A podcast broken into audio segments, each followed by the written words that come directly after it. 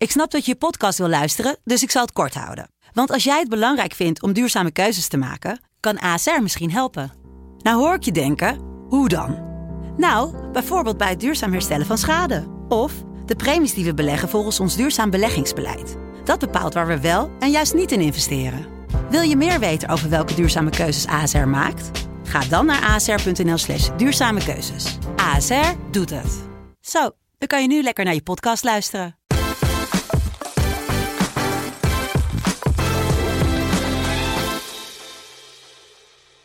Hoi, lekker dat je luistert naar alweer een nieuwe aflevering van de Voetbalpodcast. Mijn naam is Erik Elias en ik zit hier natuurlijk weer met Jimmy Driessen Hey, hallo. en natuurlijk met Sam Planting. Hoi Erik, hoi Jimmy. Ja man, nog maar drie wedstrijden over op het WK. Vier. Een vier met troostfinale inderdaad. En dan is het alweer klaar. Ik weet niet, ik- voor mijn gevoel gaat het een beetje snel of zo.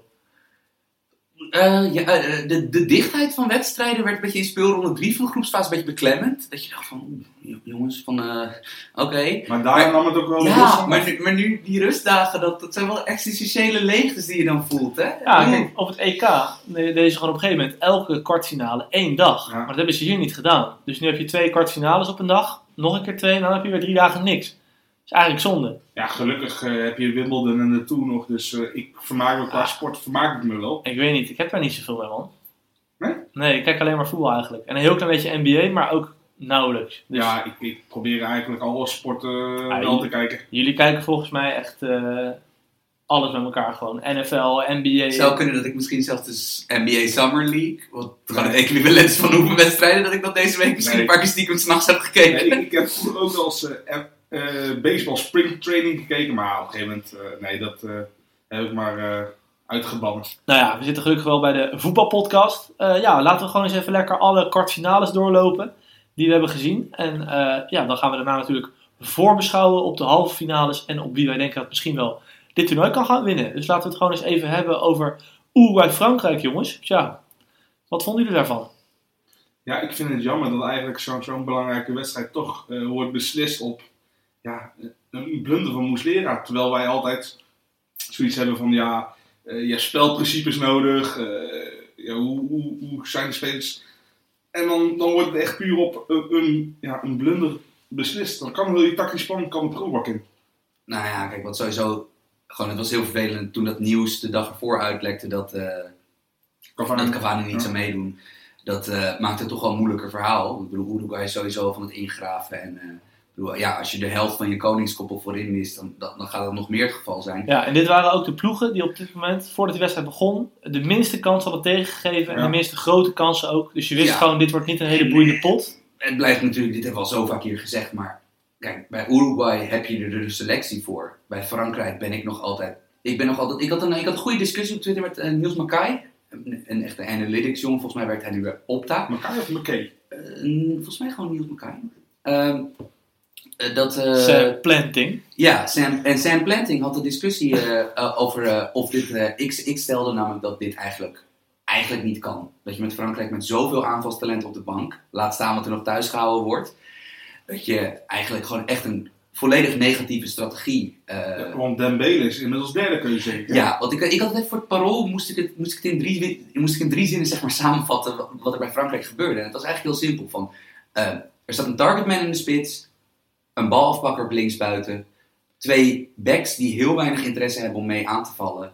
Eh, en, je, en er wordt gegokt op de snelheid van Mbappé en Ja. Griezmann. Mbappé en Griezmann moeten het creëren. En Pogba en Kanté die worden gebruikt voor de restverdediging. Dat is Ja. natuurlijk een aanklacht voor het voetbal. Nou ja, kijk, dat Kanté is natuurlijk het beste Kanté bal, niet, Pogba ter wel. wereld. Maar dat Pogba als zeg maar second, secondant van Kanté wordt Ja, gebruikt. eigenlijk moet Pogba gewoon ook precies van Griezmann staan.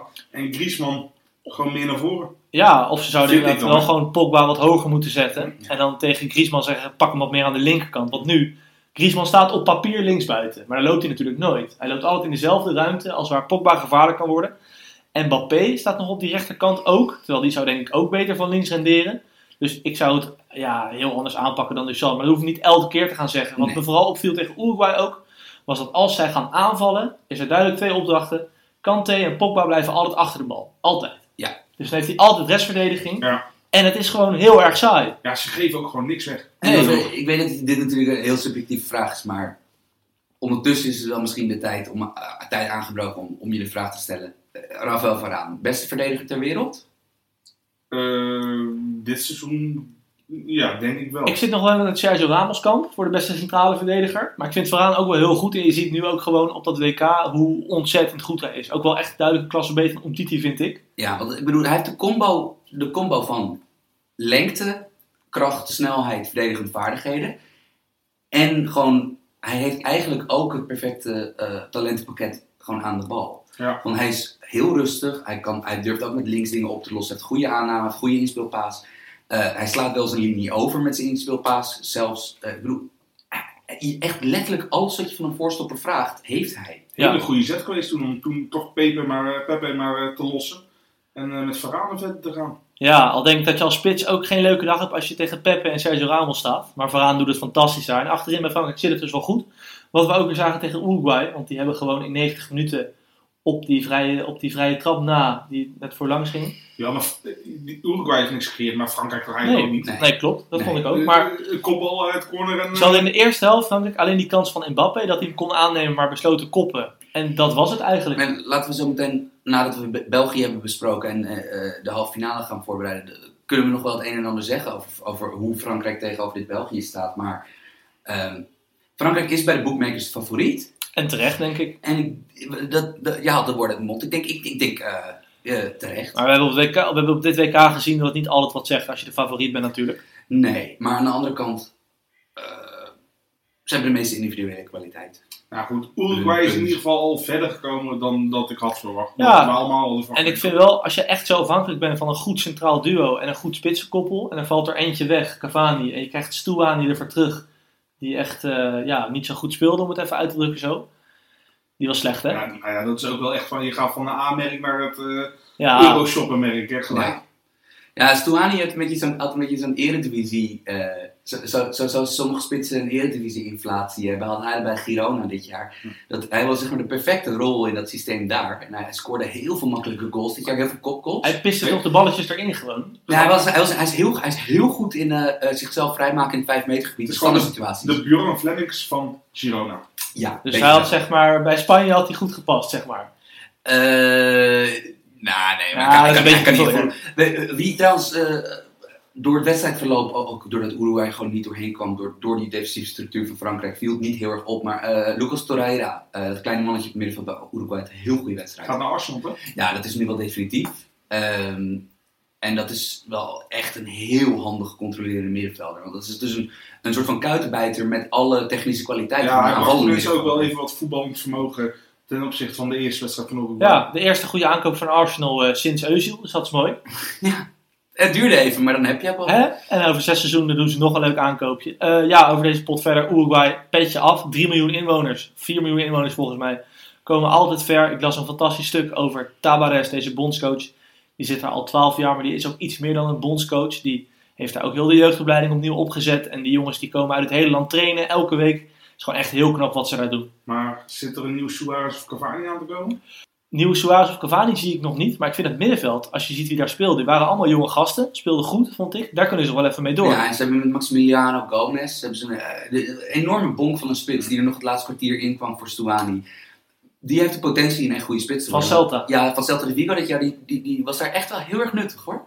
Dus ik bedoel, het kan op zich, eh, bedoel, ja, de potentie om, eh ploeg Cavani en Suarez zijn toch allebei, horen toch wel tot de tien beste centrumspitsen ter wereld. Ja, absoluut. Al een hele tijd. Ik vind het altijd mooi dat je op zo'n eindtoernooi ziet dat ze allebei veel meer kunnen ook. Dus, dus bij PSG... Ja, omdat, omdat ze natuurlijk met minder goede voetballers omgeven worden bij Uruguay. Dus Ja. het valt ineens meer op dat zij de kar moeten trekken. Maar ik begrijp, ik begrijp nooit helemaal eh, eh, het narratief rondom Cavani dat, dat die niet zou kunnen afmaken en dat die maar dat zei ik ja, niet. overschat is. Want ik, ik ken hem. Hij, hij mist wel veel kansen, maar hij creëert ook met zijn gesleur ook heel veel kansen. Ja, want ik bedoel, eh, je, je gebruikt het juiste woord, en dat is eigenlijk ook het woord voor Suarez. Eh, Dat getrek en gesleur van hem, van terwijl je echt een elite spits bent, dat ook nog kunnen opbrengen, is knap hoor. Ja, en hij heeft een heerlijk schot. Ja, en hij kan echt ook gewoon een steekpas geven en zo, wat je bij PSG natuurlijk niet ziet doen. Ja. Maar goed, Frankrijk door, Uruguay niet. En eh, genoeg over gezegd. Dan naar de leukste wedstrijd van het toernooi, denk ik, Brazilië-België. Ik denk dat dat de leukste pot van het toernooi is tot nu toe, of niet? Uh, Want ja, met, met, met spanning meegerekend en ook en met wat Ja, op het staat. Spanje-Portugal zou je ook nog kunnen zeggen. Alleen dit is echt Ja, De belangen die erop stonden, ja maar maakten dit wel mooier kwart, inderdaad. kwartfinale Ja, tegenover een groepswedstrijd. En ik ja, heb echt... dat, eh, dat zijn ook die belangen die ik bedoel. Even, eh, hij gaat het zelf niet doen, maar voor de, voor de tactiek, tactiek, tactiek liefhebbers onder onze luisteraars. eh, Erik heeft op zijn blog, chess.nl, een ta- tactische analyse geschreven van dit duel. En ik, ik, ik, ik als iemand die ook tactische analyses maakt, durf in te staan voor de kwaliteit ervan. Dat eh, heb je goed gedaan, Erik. Nou, mooi. Wat vonden jullie van de wedstrijd? Ik vond het eh, plan eigenlijk wel verrassend dat eh, uiteindelijk het gewoon een 4-3-3 was van- van wat België deed. Met Lukaku eigenlijk als rechtsbuiten. Die helemaal in de vrije zone kwam omdat eh, Marcelo linksbuiten stond ook. En eh, ja, Bruin, Kevin de Bruyne een beetje als, als valse spits erbij kwam. Ja, dat was een heel goed tactisch plan. Alleen er is een hele grote N en, en een maag. Ja, Brazilië was wel echt gewoon veel gevaarlijker. Ja, en in die eerste helft, echt, het, is, het is een wonder dat België twee keer scoort uit die kansen die ze hadden. Want Fernandinho kopt een corner in zijn eigen goal. Ja. En de Bruyne heeft een, eh, een counter naar een corner, een afstandsschot, wat hij ook niet heel vaak erin zal schieten. Al was dat wel een hele goede. Dat Ja, wel, absoluut. Zeker weten, maar de, de eerste helft was vrij neutraal hoor. Gebeurde weinig in de zestiende. Maar ja, België scoort twee keer en je denkt die hebben gedomineerd. Maar het zat er vooral in dat ze een paar keer er echt goed uitkwamen. Maar ze zijn niet heel vaak op de helft van Brazilië geweest. Schotenbalans, 27 doelpogingen voor Brazil, 9 voor België. Over de hele wedstrijd. Ja, Ja, ja. eh, Brazilië, Het, 2 het, sco het scoreverloop helpt natuurlijk ook wel Het mee. hè. scoreverloop mee. Eh, maar Brazilië creëerde eh, vanuit deze 27 kansen eh, per 11 tegen 11. Sander uh, uh, statistiekenbedrijf. Eh, t- eh, 2,45 ex- expected goals, dus bijna 2,5. België precies een half.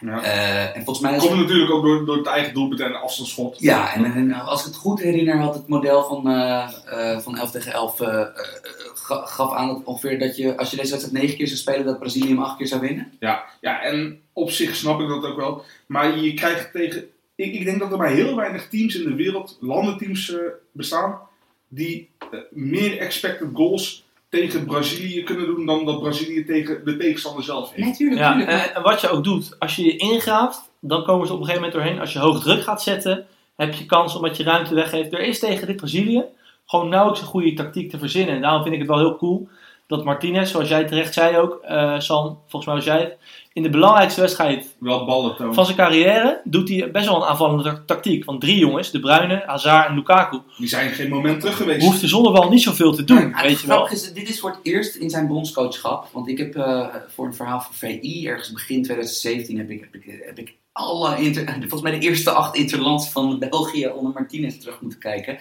Dit is de eerste interland eh, van België waarin eh, hij daadwerkelijk alle drie zijn super, aanvallende supersterren optimaal wist te gebruiken. Dus dat is zowel Lukaku, De Bruyne als Hazard, die allemaal zeg maar een ruime voldoende hadden. want Dus dat was allemaal al- echt goed waren. Dat was altijd een beetje het probleem. Hoe ga ik die drie spelers, ga, hoe ga ik die nou allemaal inpassen? En dat ging ten koste van De Bruyne. Want Hazard kreeg echt zijn favoriete plekje in Ja. het oude systeem. Links Ja. binnen.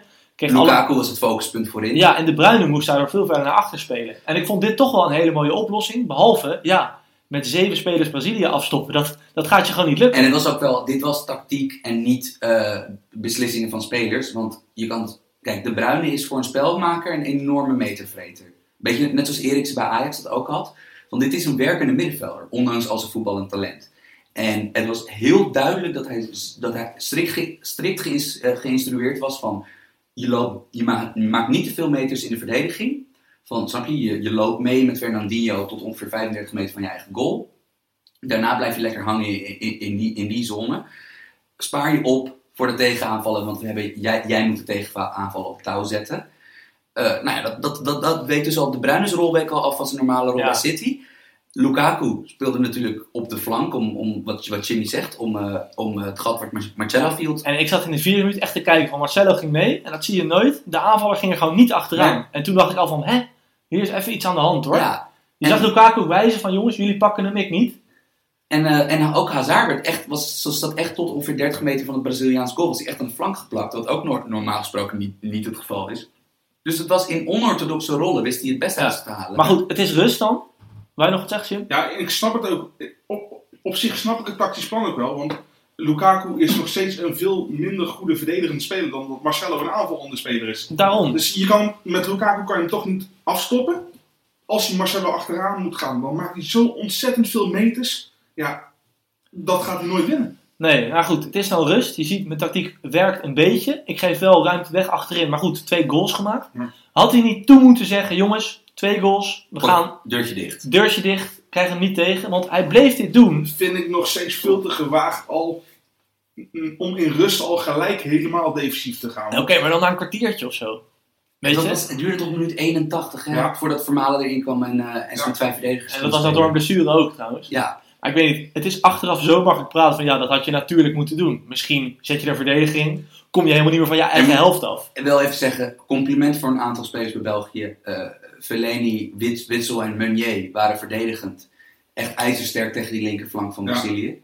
En Toby Alderwereld, nu hij weer volledig fit is, laat wel zien dat hij echt, eh, Gewoon echt heel goed is. ja, dat het een wereldverdediger is. Ja, Dat, eh, dat hij echt heel erg goed dat is. had eh Urban Hazard goed gezien allemaal. De scout, de Belgische scout van Ajax. Ja, wie er terug is inderdaad. Die weer terug is inderdaad. En eh, hopelijk weer een mooie talentje naar Nederland kan halen. Dat is ook leuk voor de Eredivisie. Ja, en eh, ook nog, eh, we, we noemen wat verdedigende spelers op. Courtois deed ook goed. Al moet ik zeggen, die laatste redding. Ja, ik snap voor de Belgen dat het echt een geweldige redding is à la Stekelenburg voor ons WK 2010. Maar ook van Stekelenburg vond ik het niet een hele bijzondere redding. Maakte hem mooi puur door het moment. Maar het was een afstandsschot en in principe moet die keeper hem toch gewoon hebben. ik, ik denk dat dit voor een keeper de lekkerste bal is aller tijden. Want het is het laatste minuut, je weet, ik pak hem, het ziet er goed uit. Ja. Helemaal top. Ehm, ja, op een gegeven moment, Brazilië, zoals Sam net zegt, pas in de 81ste minuut ging Martinez iets aanpassen. Dus ze kregen nog steeds kans na kans Brazilië. En het is eigenlijk een godswonder dat ze na die 2-1 niet gelijk 2-2 maken. Ja. Dus daarvoor mag, mag België heel erg eh, lucky zijn. Veel hot takes over Neymar te vinden op Twitter en in de kranten. Ja, maar ik vond hem ook tegen België niet bijzonder voetballer hoor. Misschien toch die blessure die jij... eh, Wellicht. Of, Ja, maar laten we alsjeblieft niet. eh, Ik bedoel, de, hot- de hot take dat Neymar geen grote voetballer zou zijn, daar gaan we. Daar gaan we Nee, nee, daar geen Ik, ik denk dat er één, iemand blij, één club blij is misschien wel met het WK.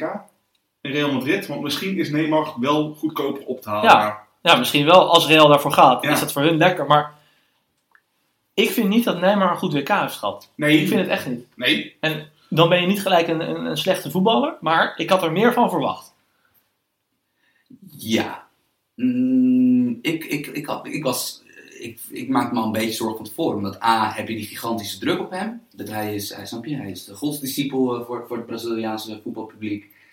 En B, die, die rare blessuresituatie. Dat je dus nooit echt wist of dit, of dit nou een fitte variant is van Neymar of niet.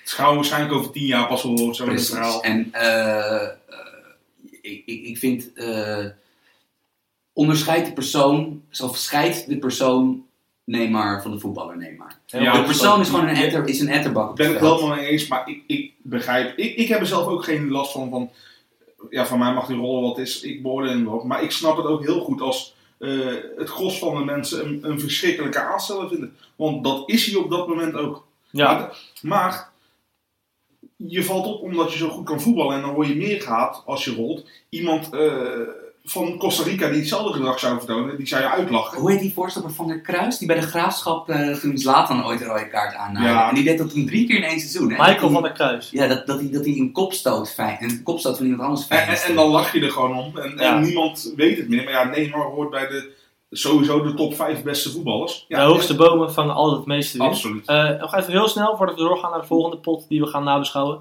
Was Brazilië de beste ploeg op het WK? Ik weet dat het een lastige vraag is, maar van wat we hebben gezien, Ja, van wat we in de wedstrijden hebben gezien, Ja. wel. Ja, Ze hebben echt heel weinig weggegeven tegen. Ja. Ze hebben echt heel weinig kansen En- tegengekregen. de pot tegen België winnen ze gewoon 9 van de 10 keer. Ja. Dus ik denk wel echt, ja, dat ze... ja want buiten dit doelpunt hebben ze alleen tegen, tegen En- Zwitserland eh, die, eh Ja, ze hadden dan Frankrijk, duw. ja, ze hadden dan Frankrijk gehad in de halve finale. Nou, dat was denk ik dan wel echt een clash geworden. Maar Ja. ik, eh, ik had hen echt in mijn boekje staan eh, als de favoriet. En weet je wiens waarde weer is, is gestegen bij absentie? En dat gebeurt wel vaker wanneer hij niet speelt bij Real of Barcelona, Ja. bij Brazilië. Ehm Casemiro. Casemiro, ja. Want Fernandinho, geweldig bij City. Maar als er één, als er één, zeg maar, één speler bij Brazilië was aan te wijzen die door het ijs zakte, was dat Ja, klopt. Maar ik had Casemiro ook nog wel willen zien met die De Bruyne. Want het was heel ondankbaar hoor. Want De Bruyne hoefde niet te verdedigen. Kreeg elke bal meteen aangespeeld. Jawel, maar Casemiro gaat de middenlijn ook niet over. Nee, oké, maar kijk, je moet wel... Of je zit kort en dan kan De Bruyne allebei wegdraaien. Of je geeft hem wel ruimte en dan kan De Bruyne die paas geven. Dus het was wel echt een lastige rol hoor. Hoe had, Marti had Martinez het precies hetzelfde nu ingevuld als hij wist dat Casemiro wel zou spelen? Dat is een goede, heel goede vraag, Jimmy. Misschien moeten we Martinez een keertje uitnodigen. Je kan Spaans toch, Jim? Ja, maar en misschien Thierry Henry? Ja. Nou, dat schrijven we nog op op het to-do-listje voor de podcast.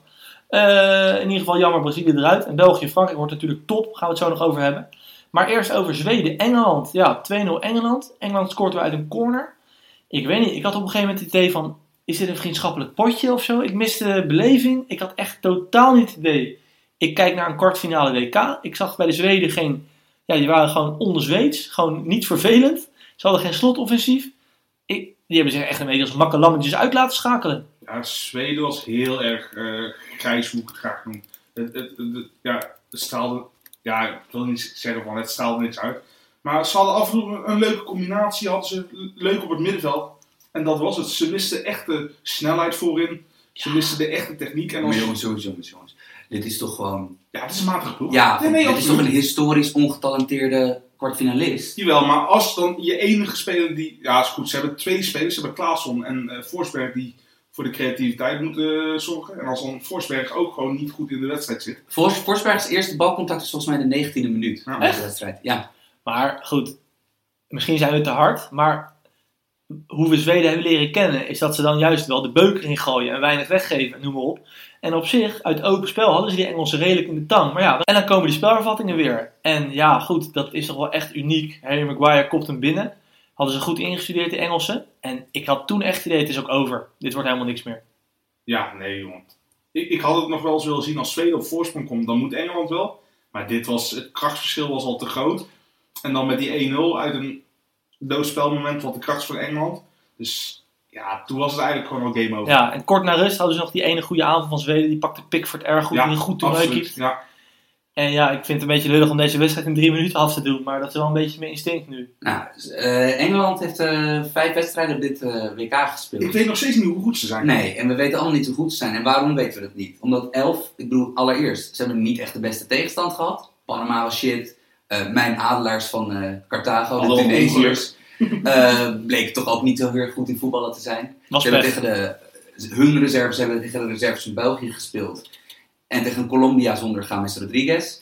En nu, ja, snap je, een echt, nogmaals, historisch ongetalenteerde kwartfinalist. Maar als je dat op een rijtje zet, ik denk dat er heel veel coaches niet één, maar, maar tien moorden hadden willen doen voor die route naar de Ja. halve finale. En dan, als je dan vervolgens beseft dat in deze vijf relatief makkelijke wedstrijden, of laten we zeggen relatief zeer gemakkelijke we- wedstrijden naar WK-begrippen, Engeland scoort elf keer. Eh, eh, vier keer uit een corner.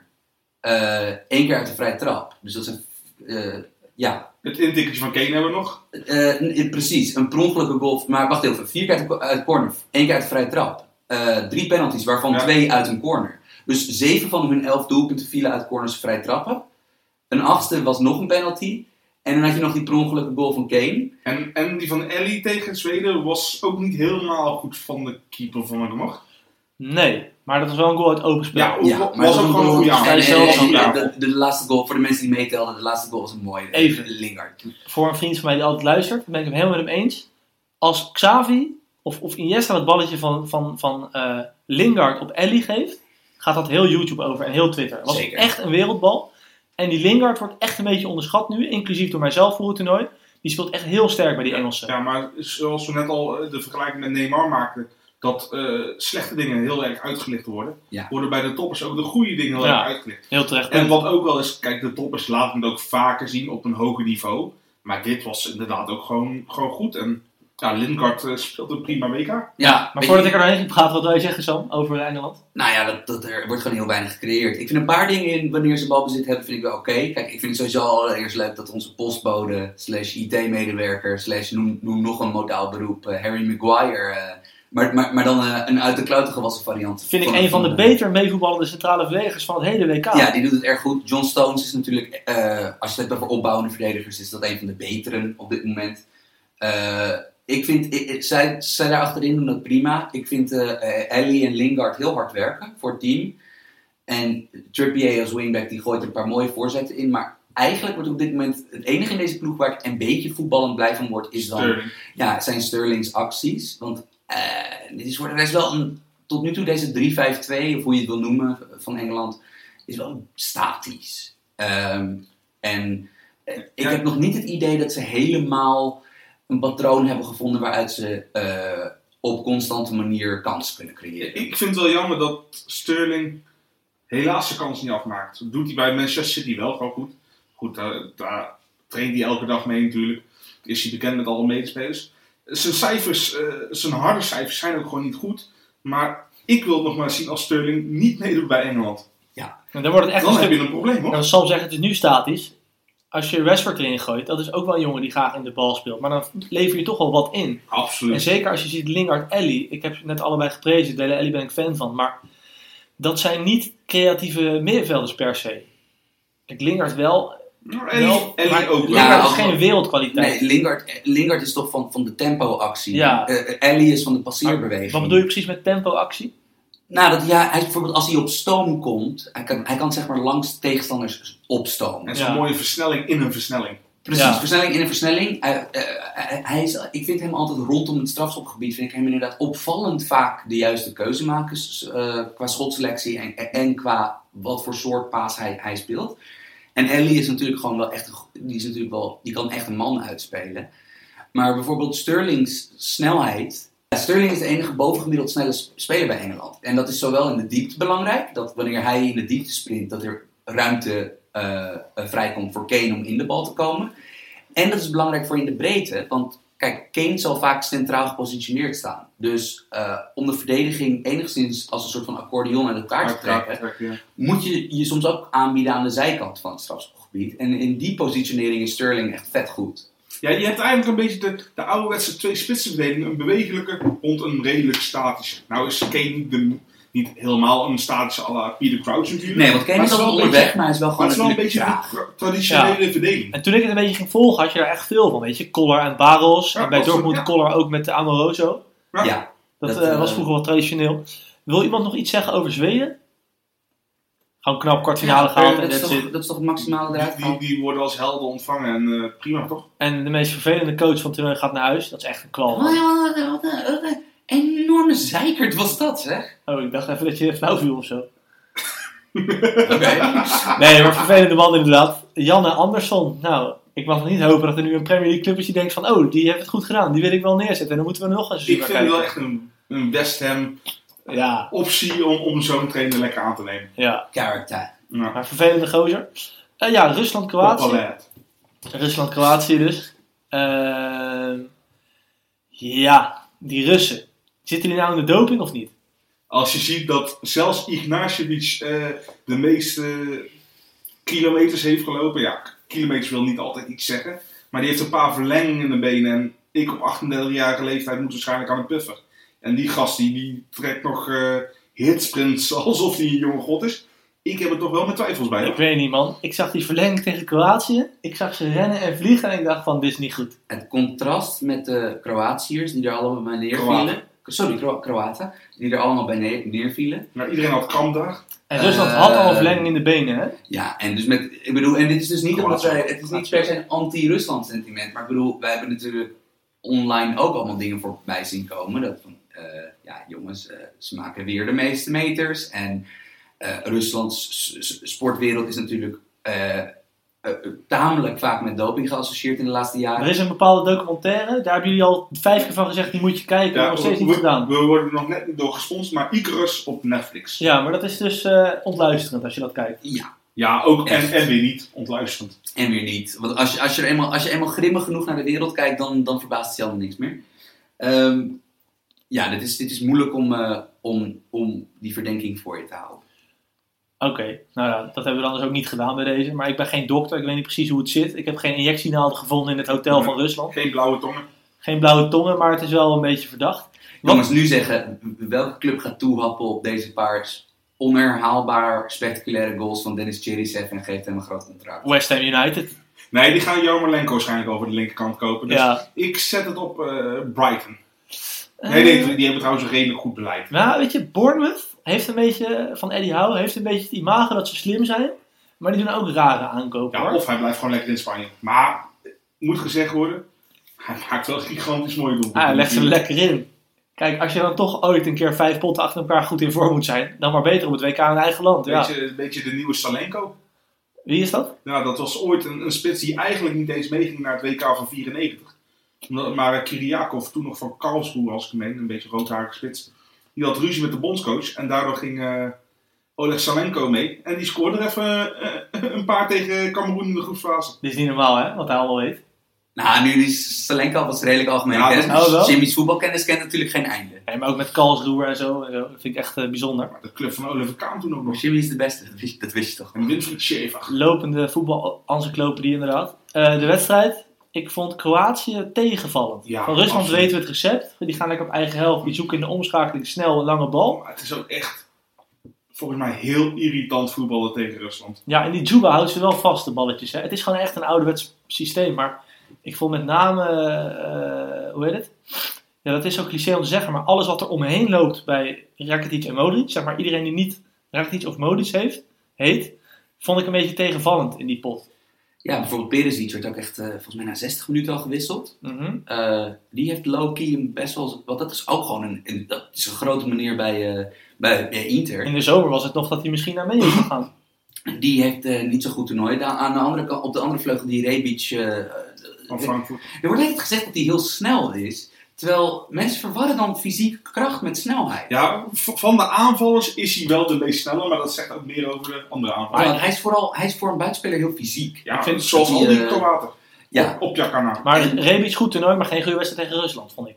nee, niet per se. Wie wel heel erg goed was, was Luka Modric. Ja, die was fantastisch. Eh, ondanks, ik, een beetje ondanks de, de, de eh, opstelling van eh Dalic. Ik ben even zijn voornaam kwijt. Iets met een Z. Slatko. Is dat Ja, Zlatko? Slatko Dalic. Ehm, eh, wat, wat, wat, want dus Kroatië ging terug naar het systeem wat in de eerste wedstrijd tegen Nigeria niet echt werkte. Dus met eh Rakitic en Modric op papier als controleurs en eh, drie aanvallende middenvelders voor. En, eh, En Kramaric inderdaad. eh, Ja, en dan denk je op papier, het is aanvallender. Maar in de praktijk is het zo dat als Rakitic en Modric allebei zeg maar voor het blok blijven spelen, dus allebei in de bal spelen, mis je voorin ook weer wat. Nou, maar dus Modric compenseerde dat gewoon puur door zijn individuele voetbalintelligentie. Want kijk, Rakitic speelde echt als zes voor de verdediging, die, die, die bouwde op. ja, die heb je gewoon bijna niet iets aanvallends zien doen. Nee, terwijl je denkt ook van, dit is natuurlijk een speler met zo'n geweldige paas eh, en zo'n geweldig inzicht. Dan die moet je natuurlijk wel een beetje linies laten doorbreken. Maar ma- wat ik Modric goed vond doen, was eigenlijk compenseren voor een tactiek die niet werkte.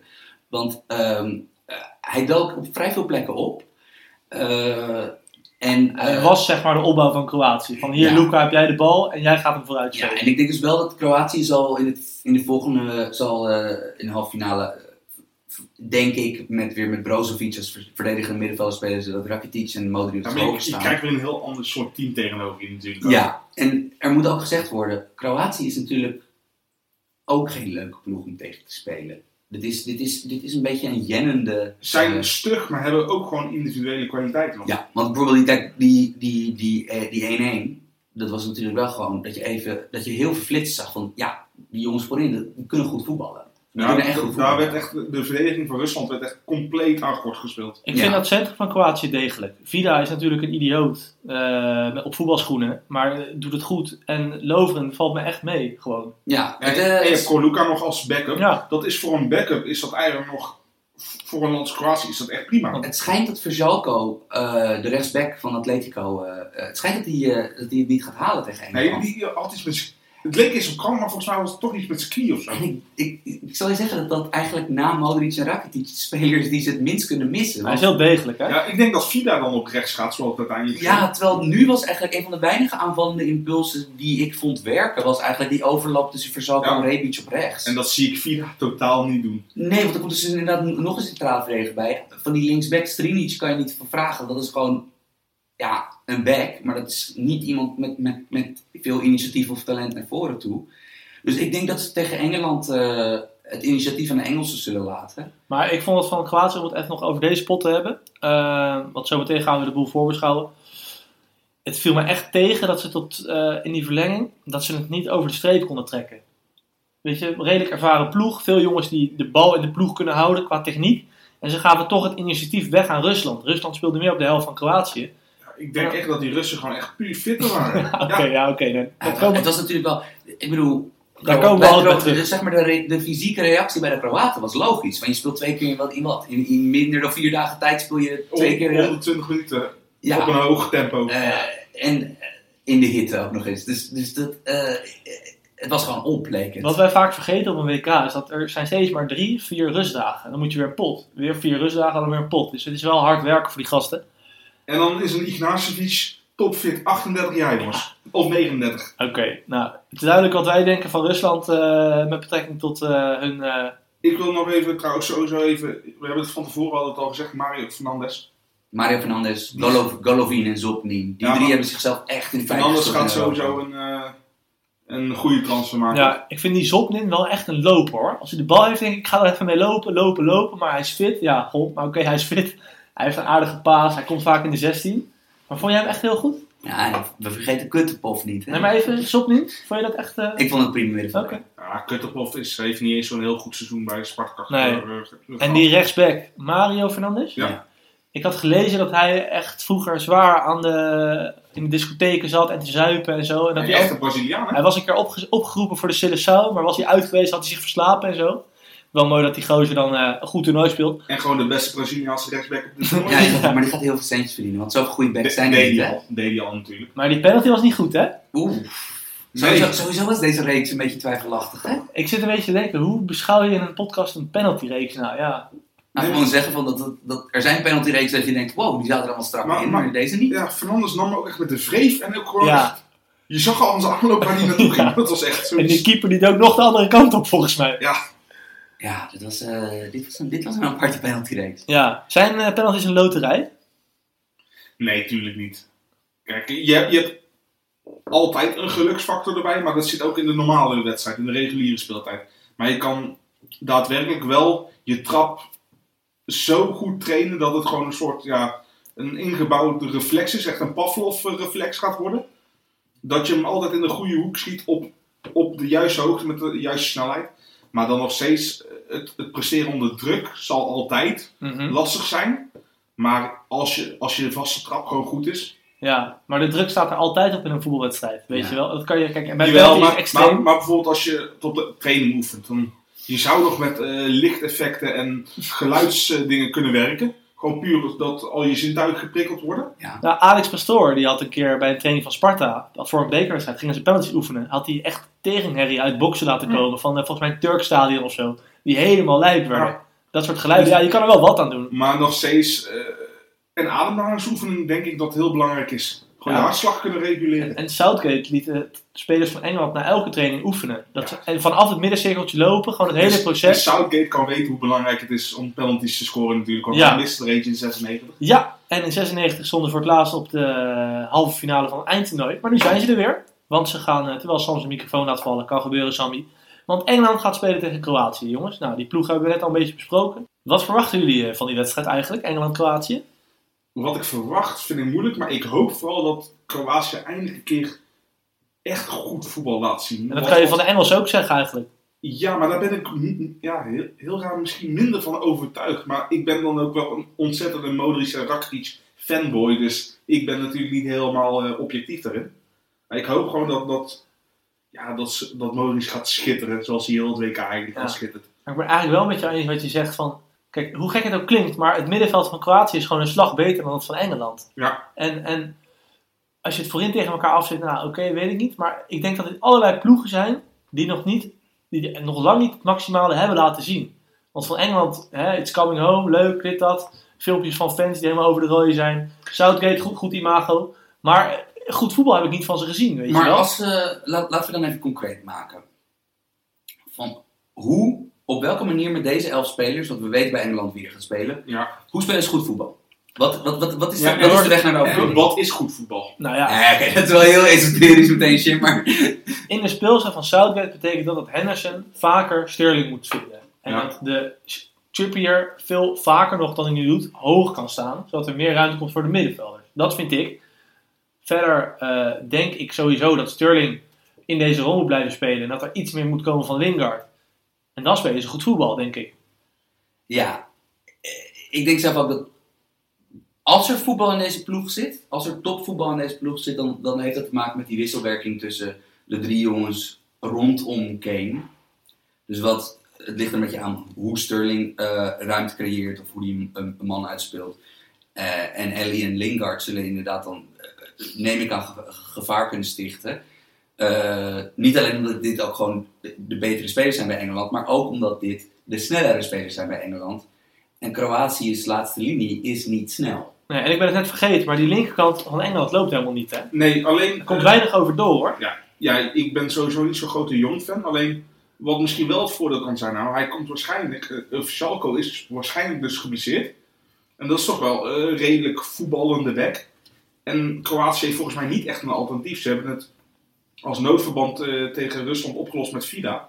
Maar daar heeft Jong dan aanvallend helemaal niks van te vrezen. Ik zit dus te denken, want Maar dat denk ik ook wel. Als je jij- belangrijk is. Als je voor Kroatië denkt vanuit balbezit, dan zou het dus verstandig, eigenlijk wel verstandig zijn om Brozovic op te stellen als verdedigende middenvelder. Dat Modric en Rakitic zich daar iets minder zorgen om hoeven te maken en ze ja, meer, iets meer vooruit kunnen spelen.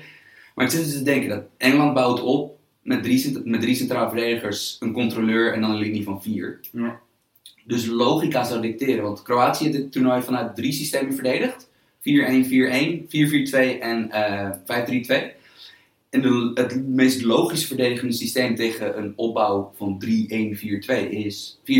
Ja. Dus in dat opzicht zie ik nog geen ruimte. kan je de twee centrale verdedigers kan je De twee, de, twee spits, de twee spitsen staan tegenover de drie, staan, staan tussen de drie centrale verdedigers en die ene controleur. Maar, maar daar vind ik de selectie van Kroatië toch net niet helemaal geschikt voor. Nee, want dat zou dus betekenen dat je geen Brozovic op het middenveld zou hebben. En dat, zou dus betekenen dat je weer met vier aanvallers. Rebic, Kramaric, Mandzukic en Perisic. En dan zit de Perisic te ver naar achteren getrokken in, in een platte 4-2. Ja, dus ik, ik, ik vraag me een beetje af eh, wat Kroatië gaat doen. Ik, ik vrees dat zeker door het wegvallen van Versalco, dus een rechtsback die echt naar voren voetbalde, dat ze zullen denk ik toch beginnen in een, in een, in elk geval eh, negatieve insteek. Negatief als in, De belangen zijn ook echt groot Ja. natuurlijk. en negatief als in hoe gaan we het Engeland zo moeilijk mogelijk maken. Dat dat prioriteit nummer één is. En dat wordt wel interessant, omdat Engeland ja, tot nu toe, ja, Henderson krijgt veel lof voor, voordat hij het spel wel redelijk aardig verlegt. Maar Er staat ook niet echt druk op, hè? Nee, en, En, en- ik bedoel niet van mentale druk, maar gewoon als hij de bal krijgt, heeft hij relatief veel tijd om een oplossing te verzinnen. precies. En ik denk dus, eh, eh, alleen, alleen Colombia preste bij tijden eh, Engeland goed de En wedstrijd. wat voor wedstrijd was dat? Een hele slechte. Ja, en ehm, ik ben benieuwd. Wat, wat, want eh, toch geen van deze twee ploegen heeft eigenlijk dusdanig overtuigd dat ze in de finale zouden moeten staan. Tot nu toe. En met die aanval van Kroatië kan je wel pressen, want Mandzukic werkt als een beest, Kramaric ook. Ja, ik, ik wil wel even ingaan op. Tot nu toe heeft, heeft, hebben beide ploegen het niet echt verdiend of zo. Maar dat kan je eigenlijk over zoveel ploegen vertellen. die uiteindelijk ook eh, in de knock-out fase kwamen. die nu nog steeds in zitten. Uiteindelijk is het korte termijn. ze staan er wel gewoon nog. We moeten toch finalisten hebben. Dus Ja. als één van de twee het haalt, Maar, eh, hebben ze het gewoon verdiend. Het is wat dat betreft een raar eh, WK. En ik hoorde iemand zeggen, er zijn weinig gekke dingen gebeurd. Nee, er zijn heel veel gekke dingen gebeurd. En weet je, eh, ik denk dat we gewoon maar zo erin moeten gaan. We gaan gewoon nog drie potjes genieten. En de troostfinale mag je ook kijken als je wil. Maar we gaan gewoon die drie potjes kijken. En wie heeft gewonnen? Die heeft gewoon terecht gewonnen. Die heeft wel, zoals de Bruinen, die bal er net ingeschoten op het goede moment. En die hebben wel goed verdedigd en dat soort dingen. En ja, uiteindelijk op een WK, het is altijd een beetje onverdiend. En, en het zal wat zijn als Kroatië weer in een halve finale staat eh, sinds eh, het WK 98. En toen begon Lilian Thuram ineens te scoren. De opstomende rechtsback. Het zou toch wat zijn als Kyle Walker Ja, nou zijn eerste interlanddoelpunten gaat maken in de halve finale. is wel een mooi verhaal. Turam heeft later zijn autobiografie heeft hij genoemd naar de datum van die dag dat hij twee goals maakte. Want toen dacht hij, ja, nu hoorde ik er echt bij. Toen was ik een echte Fransman. Want hij komt van Guadeloupe of zo. En hij Mhm. voelde zich nooit helemaal thuis. En dat dat moment wel. Vond ik wel een heel mooi verhaal, moet ik zeggen. En Kyle Walker heeft nog nooit voor Engeland gescoord. Dus als ze echt uh, Ja. home willen zijn. Ik zie dat niet gebeuren. Maar dat, dat zijn van die fantastische verhalen die wel kunnen gebeuren. Eh, wordt dit een wedstrijd waarbij Engeland meer de bal heeft? Of niet? Ja. En Ja. meer balbezit, Kroatië een beetje op eigen helft. En dan proberen ja. te counteren. Een beetje zoiets? Ja. Voorspellinkie, durven we dat? Eh, 1-1 en Kroatië naar strafschoppen verder. Oeh, Jimmy heeft exact dezelfde voorspelling als ik. Ja hoor. Ja, Maar Kroatië is helemaal niet meer... Ja, oké, Engeland heeft natuurlijk ook verlenging gehad en zo. Maar die hebben een redelijk makkelijke pot gehad tegen ik zeg, Zweden. ik zeg Kroatië wint eh, eh, in drama op dramatische wijze 2-1 in verlenging. Ik zeg eh 1-0 Engeland. Veel meer de bal. Redelijk vroege goal in de eerste helft nog. En dan Kroatië met beter van het spel, slotoffensief, maar blijft 1-0. Zoiets denk ik. It's coming home? Ehm, ik I don't think it's coming home, maar ze winnen wel van Kroatië. Oké. En ze komen wel naar de finale. Maar even, It's Coming Home, hè, dat is dus een liedje van, eh, van het EK 1996. Dit wordt even een iets langer verhaal. Ehm, dat is een liedje dat is geschreven omdat het EK werd gehouden in Engeland. Ja. Dus It's Coming Home sloeg op het feit, het voetbal komt naar huis. Want hè, de Engelsen hebben het voetbal uitgevonden, daar is het begonnen. En 30 jaar na de wereldtitel. De oudste voetbalclubs zijn ook allemaal Engels. Maar It's Coming Home ging helemaal nooit over het feit dat Engeland de wereldtitel zou winnen. Want het was een EK. en het maar- ging erover dat het bij hun gehouden werd. Maar dit, dit liedje kan je altijd bij Engeland op een eindtoernooi zingen. Want gaan ze vroegtijdig naar huis, komen ze ook. It's coming home. Ja, Dus- maar, maar even, snap even mijn kleine ergernis die steeds groter wordt. Iedereen roept ja, It's Coming Home. Maar dat liedje ging er altijd over dat het voetbal thuis zou komen. Niet dat Engeland wereldkampioen zou worden. Dat is gewoon onzin. Wat ook heel hilarisch is dat Engeland in 1996 de fucking bals had om te zeggen dat, dat zij de uitvinders van het voetbal waren. Terwijl zij op dat moment, zeg maar, Engel, Engels voetbal in de jaren 90 was, zeg maar, Ja. tactisch gezien hetgeen wat het minst met voetbal te maken heeft. Toch hebben ze in 96 het tactisch superieure Nederland wel even afge, afgedroogd. Hè? Met een uitblinkende Sheringham en Anderton. Was dat het toernooi dat Kluivert die goal maakte en dat iedereen zei, wat doe je nou? We willen naar huis. Toch? Ja, dat ja. ze toen nog doorgingen. Ja. En dat Guus Hiddink, die zei, jongens, uitstekend gedaan. We zijn, scoorde 4-1 en eh, we zijn door, klasse. En dat iedereen zat te kijken van, wat is dit nou? We willen naar huis, Guus. ja, toen begon het penalty drama tegen Frankrijk. Ja. Seedorf. Er waren toch negen hartaanvallen meer in Nederland op die dag dan normaal gemeten of zo? Dat is toch een beetje altijd het verhaal erbij? Dat rond dat tijdstip dat Zeedorf die bal in de tribune naar je hijst. Dat er opeens een, een- een snelle piek in, in hartkwalen.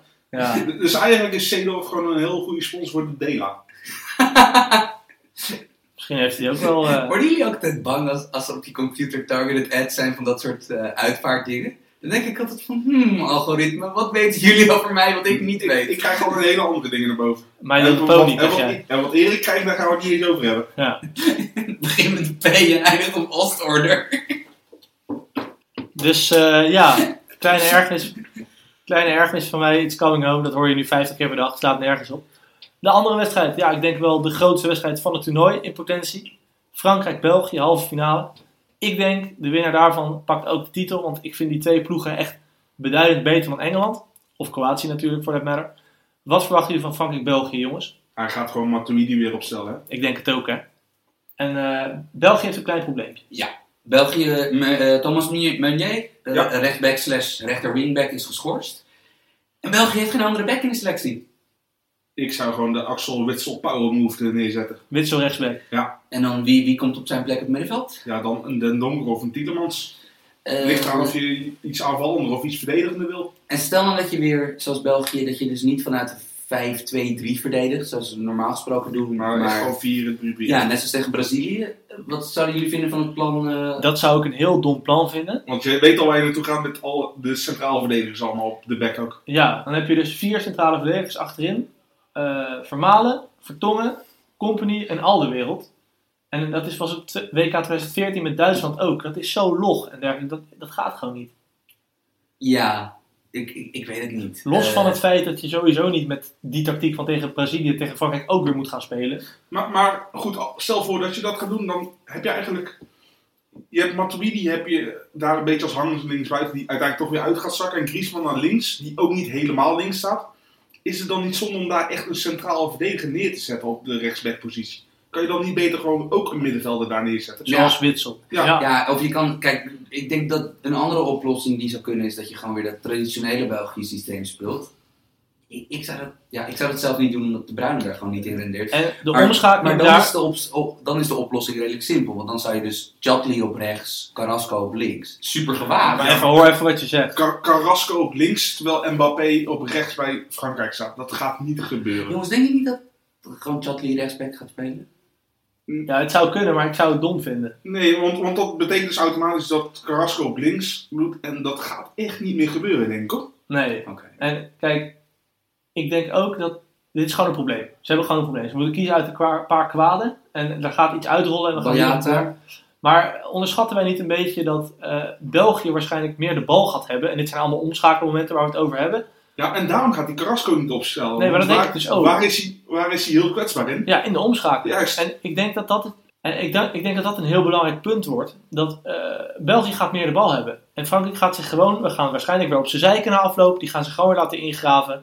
Die gaan gewoon op eigen helft staan. Pogba, Kanté, kom je niet doorheen. Die backs zeiken op aanvallend, maar zijn verdedigend redelijk stabiel. Het staat wel... En, en, wacht even, en dan in die omschakeling gaat België gewoon geslacht worden. Wie er ook rechtsback staat of wat dan ook. Ik verwacht eigenlijk een vrij makkelijke 0-1 of 0-2 Frankrijk. Een, een vrij gemakkelijke 0-1. Ja, maar eh, weet je dat ze een goal maken en dat ze verdedigend gewoon niet in de problemen komen. Ja, zoals tegen Uruguay. Kijk, Ja. Frankrijk verdedigt zoals wel meer ploegen op dit WK. Ha- Hashtag het Simeone-effect. Want ve- veel Atletico Madrid-imitaties op dit eh, toernooi. Ze, ze verdedigen vanuit een compacte 4-4-2 op eigen helft. En, of nou, misschien middelhoog. Eh, maar in elk geval een, een, een compacte eh, 4-4-2. Eh, als België gewoon weer naar het traditionele systeem teruggaat, dus met, met drie centrale verdedigers, waarvan er twee eigenlijk vrij breed aan de zijkant staan bij, in de opbouw. Dat is wel de beste aan, dat is wel gewoon logischerwijs een van de betere eh, aanvalsystemen om tegen zo'n compact 4-4-2 te spelen. Om dat, om dat uiteen te trekken. Omdat vooral die twee schaduwspitsen die je dus achter, rondom Lukaku dan hebt staan, van die, komen dan, die kunnen dan eigenlijk wel elke keer proberen eh, tussen die twee linies, eh, zowel in de breedte als in terugzakken, een beetje de compactheid eruit te trekken.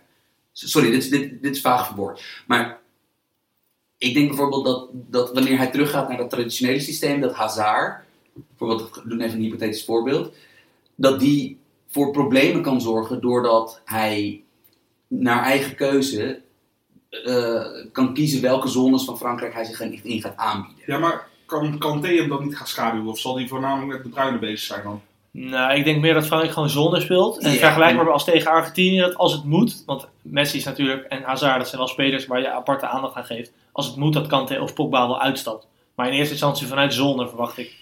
Ja, en eh, een, een ander, een ander eh, s- eh, sleutelpunt, eh, en een ander sleutelduel binnen deze wedstrijd zal eh, toch echt zijn de linkerkant van de Belgische defensie. Eh, want Jan Vertongen liet al tegen Genki Haragu- Haraguchi zien, wat nog ineens een supersnelle rechtsbuiten was, die van Japan. Van, Jan Vertongen is geen linksback. Nee. Jan Vertongen is een centraal verdediger. En een heel erg goede centraal verdediger Maar is ook kwetsbaar in sommige momenten. is geen 100 meter sprinter. Nee. En ik bedoel, Kylian Mbappé is natuurlijk koning van de diepteacties. Dat is wel een 100 meter sprint. hè? Ja, en die, die heeft beide diepteacties die je er kan maken. Dus zowel een rechte lijn, eh, je zeg maar in de diepte aanbieden, als een diagonale lijn, dat je zeg maar tussen zijn back en centrale verdediger achterlangs kruist. Is hij echt perfect in die timing van dat soort loopacties.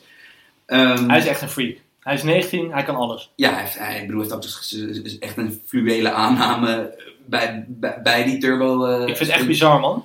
Ehm, ik maak me daar een beetje. Ik vind dat eigenlijk het grootste zorgpunt bij België. Eh, aanvallend. België creëert veel op dit toernooi. Maar niet, tegen, maar, niet, maar niet tegen Frankrijk, denk ik. Ehm, ja, het is, het is. Kijk, eh, wat het is, het is, het is een clash of the titans aan die kant. Van je hebt, België heeft krankzinnig aanvalstalent. Frankrijk het beste centrale duo op dit, E- op dit WK. En de beste balafpakker daarvoor. Ja. Van, dat, wordt, dat wordt gewoon een, inderdaad, dat wordt een monster clash. Maar ik bedoel, ja, als je het ooit met een aanvaller ploeg moet proberen, dan liever eentje met Lukaku, De Bruyne en Hazard. Ik, ik denk dat het gaat beslist worden op de zwakste schakel. Welke, zwak, welke schakel is zwakker? De, de slechtste speler bij Frankrijk? Ja, dat Hazard Of, keer, ja, Hazard een keer Pavard voorbij loopt en dan Juist. gevaarlijk wordt. Ja, precies. of bij België? Ben ik het er heel erg mee eens eigenlijk ook. Alleen ja, ik denk uiteindelijk dat de verdediging van België gewoon niet goed genoeg is. Zeker ook omdat Bemier geschorst is en je moet gaan schuiven en zo. Ja, ja, het is niet ideaal, nee. Maar, klein voorspellingje weer, of wil je nog meer eh, Ik, over zeggen? ik, ik was het wel met jou eens over de uitslag. Ik denk een 1-0 voor Frankrijk. Ik hoop België, ik vrees. Ja, ik hoop ook België, maar Maar we zeiden ook unaniem Brazilië. Oké, Brazilië hoort die pot te winnen, maar die zitten niet meer in het toernooi. Dus misschien is het wel goed nieuws voor de Belgen dat we allemaal Frankrijk roepen. Nou, neem ze eens, Erik. Kies jij ze. wij, wij zijn geen Maduro in ieder geval. Wij Nee. zijn geen mama bedoeld. maar ik ga niet België roepen, ik denk Frankrijk. Dus dat Ehm, is jammer. Stel je voor, tot nu Mhm. toe. eh, eh, eh, we hebben gelijk in onze voorspellingen, dus de finale zou dan Frankrijk-Kroatië zijn. Of Frankrijk-Engeland. Ehm, wie wordt speler van het toernooi? Nou, is wel grappig, want ik wou net ook nog even buiten in het draaiboek om wat anders gaan zeggen, maar dat sluit hier wel helemaal op aan. Want ik denk dat de speler van dit toernooi, als dat ook een speler van een grote club is, dat het zomaar zou kunnen dat we dit jaar een andere gouden balwinnaar hebben dan Messi of Ronaldo. denk serieus, als Modric met Kroatië het WK wint, of Mbappé eh, scoort er drie in de finale of zo, De Mbappé is denk ik nog Heeft te het- vroeg. heeft Mbappé Mbappé heeft te weinig gescoord Te weinig- bij Paris bij Saint-Germain. Paris Saint-Germain te weinig gewonnen, maar het zou zomaar kunnen. Dat Griezmann zou, als Griezmann nu dit nog... hele lange introotje, wie wordt denk je speler van het toernooi? Ik denk iemand van Frankrijk en dan is Griezmann of Mbappé de logische speler om te Maar doen. als, Gri- als Griezmann, als die nu nog vier keer scoort in de halve finale finale, want die had een krankzinnig seizoen bij Atletico Ja. tot nu toe. En de gouden bal gaat over een kalenderjaar, toch? Ook belachelijk, maar dat is inderdaad ja, zo. nee, Ja. En, inderdaad. En Griezmann is vanaf begin januari dit jaar krankzinnig gaan scoren. Hij had volgens mij een reeks van 100, dat hij in 140 minuten tijd op een zondag en een eh, woensdag, dat hij midweekse wedstrijd met Atletico speelde, dat hij volgens mij zeven doelpunten Ja, gemaakt. klopt. Europa League gewonnen. Europa League gewonnen, was daar de beste speler. Twee goals ook, toch? Eh, ja, ja, ja, ja, ja, Ja, twee goals. En ehm, dat zou kunnen, maar, maar tot nu toe heeft hij, eh, ja, hij heeft twee penalties en een, eh, en een zwabberbal die Muslera in eigen goals Ja, maar gescoord. ik, ik gun Modric, man. Ik gun het Modric ook heel erg. Modric echt. Maar dat, is het altijd de winnaar van het toernooi? Levert hij altijd de speler van het Nee, toernooi? nee, nee toch? Oliver Kahn in 2002. Het Messi in zelfs kunnen- 2014? eh, was Cannavaro naar aanleiding van 2016 die gouden bal? Ja, Ja. ja. Dus dat is- je zou hypothetisch kunnen zeggen dat waaraan... eh, Volgens mij speelde Ja. Juventus in 2006 in de Serie B. Toch? Nee, pas daarna ging het. Het daarna? ah, oké. Maar, maar verdedigers worden structureel zo ondergewaardeerd en zijn toch eh, minder eh gehyped dan aanvallers. Ik vond bijvoorbeeld in die Pep Guardiola jaren bij Bayern, vond ik het best wel vreemd dat Boateng nooit genoemd werd voor de gouden bal. Dat vond ik echt oprecht heel erg raar. Ze, won, ze wonnen niks. Offense zelfs. Ja, ze wonnen niks buiten Duitsland. Defense En- wins games. Kijk, ik ben niet zo'n gozer die zegt Bayern in Duitsland wordt pak kampioen. Nee, is niet zo. Maar ik vond wel, dan hadden ze wel één keer de Champions League moeten winnen, denk ik. Nou, oké, fair enough. Maar, eh, en als zeg maar eh, het winnen van het toernooi niet zou uitmaken, wie zou dan jullie speler zijn tot nu toe? Ja, tot nu toe, ik vind het echt lastig hoor. Want ik heb, ja, Coutinho vond ik heel goed dit toernooi. Ja, Coutinho of Mbappé, denk ik.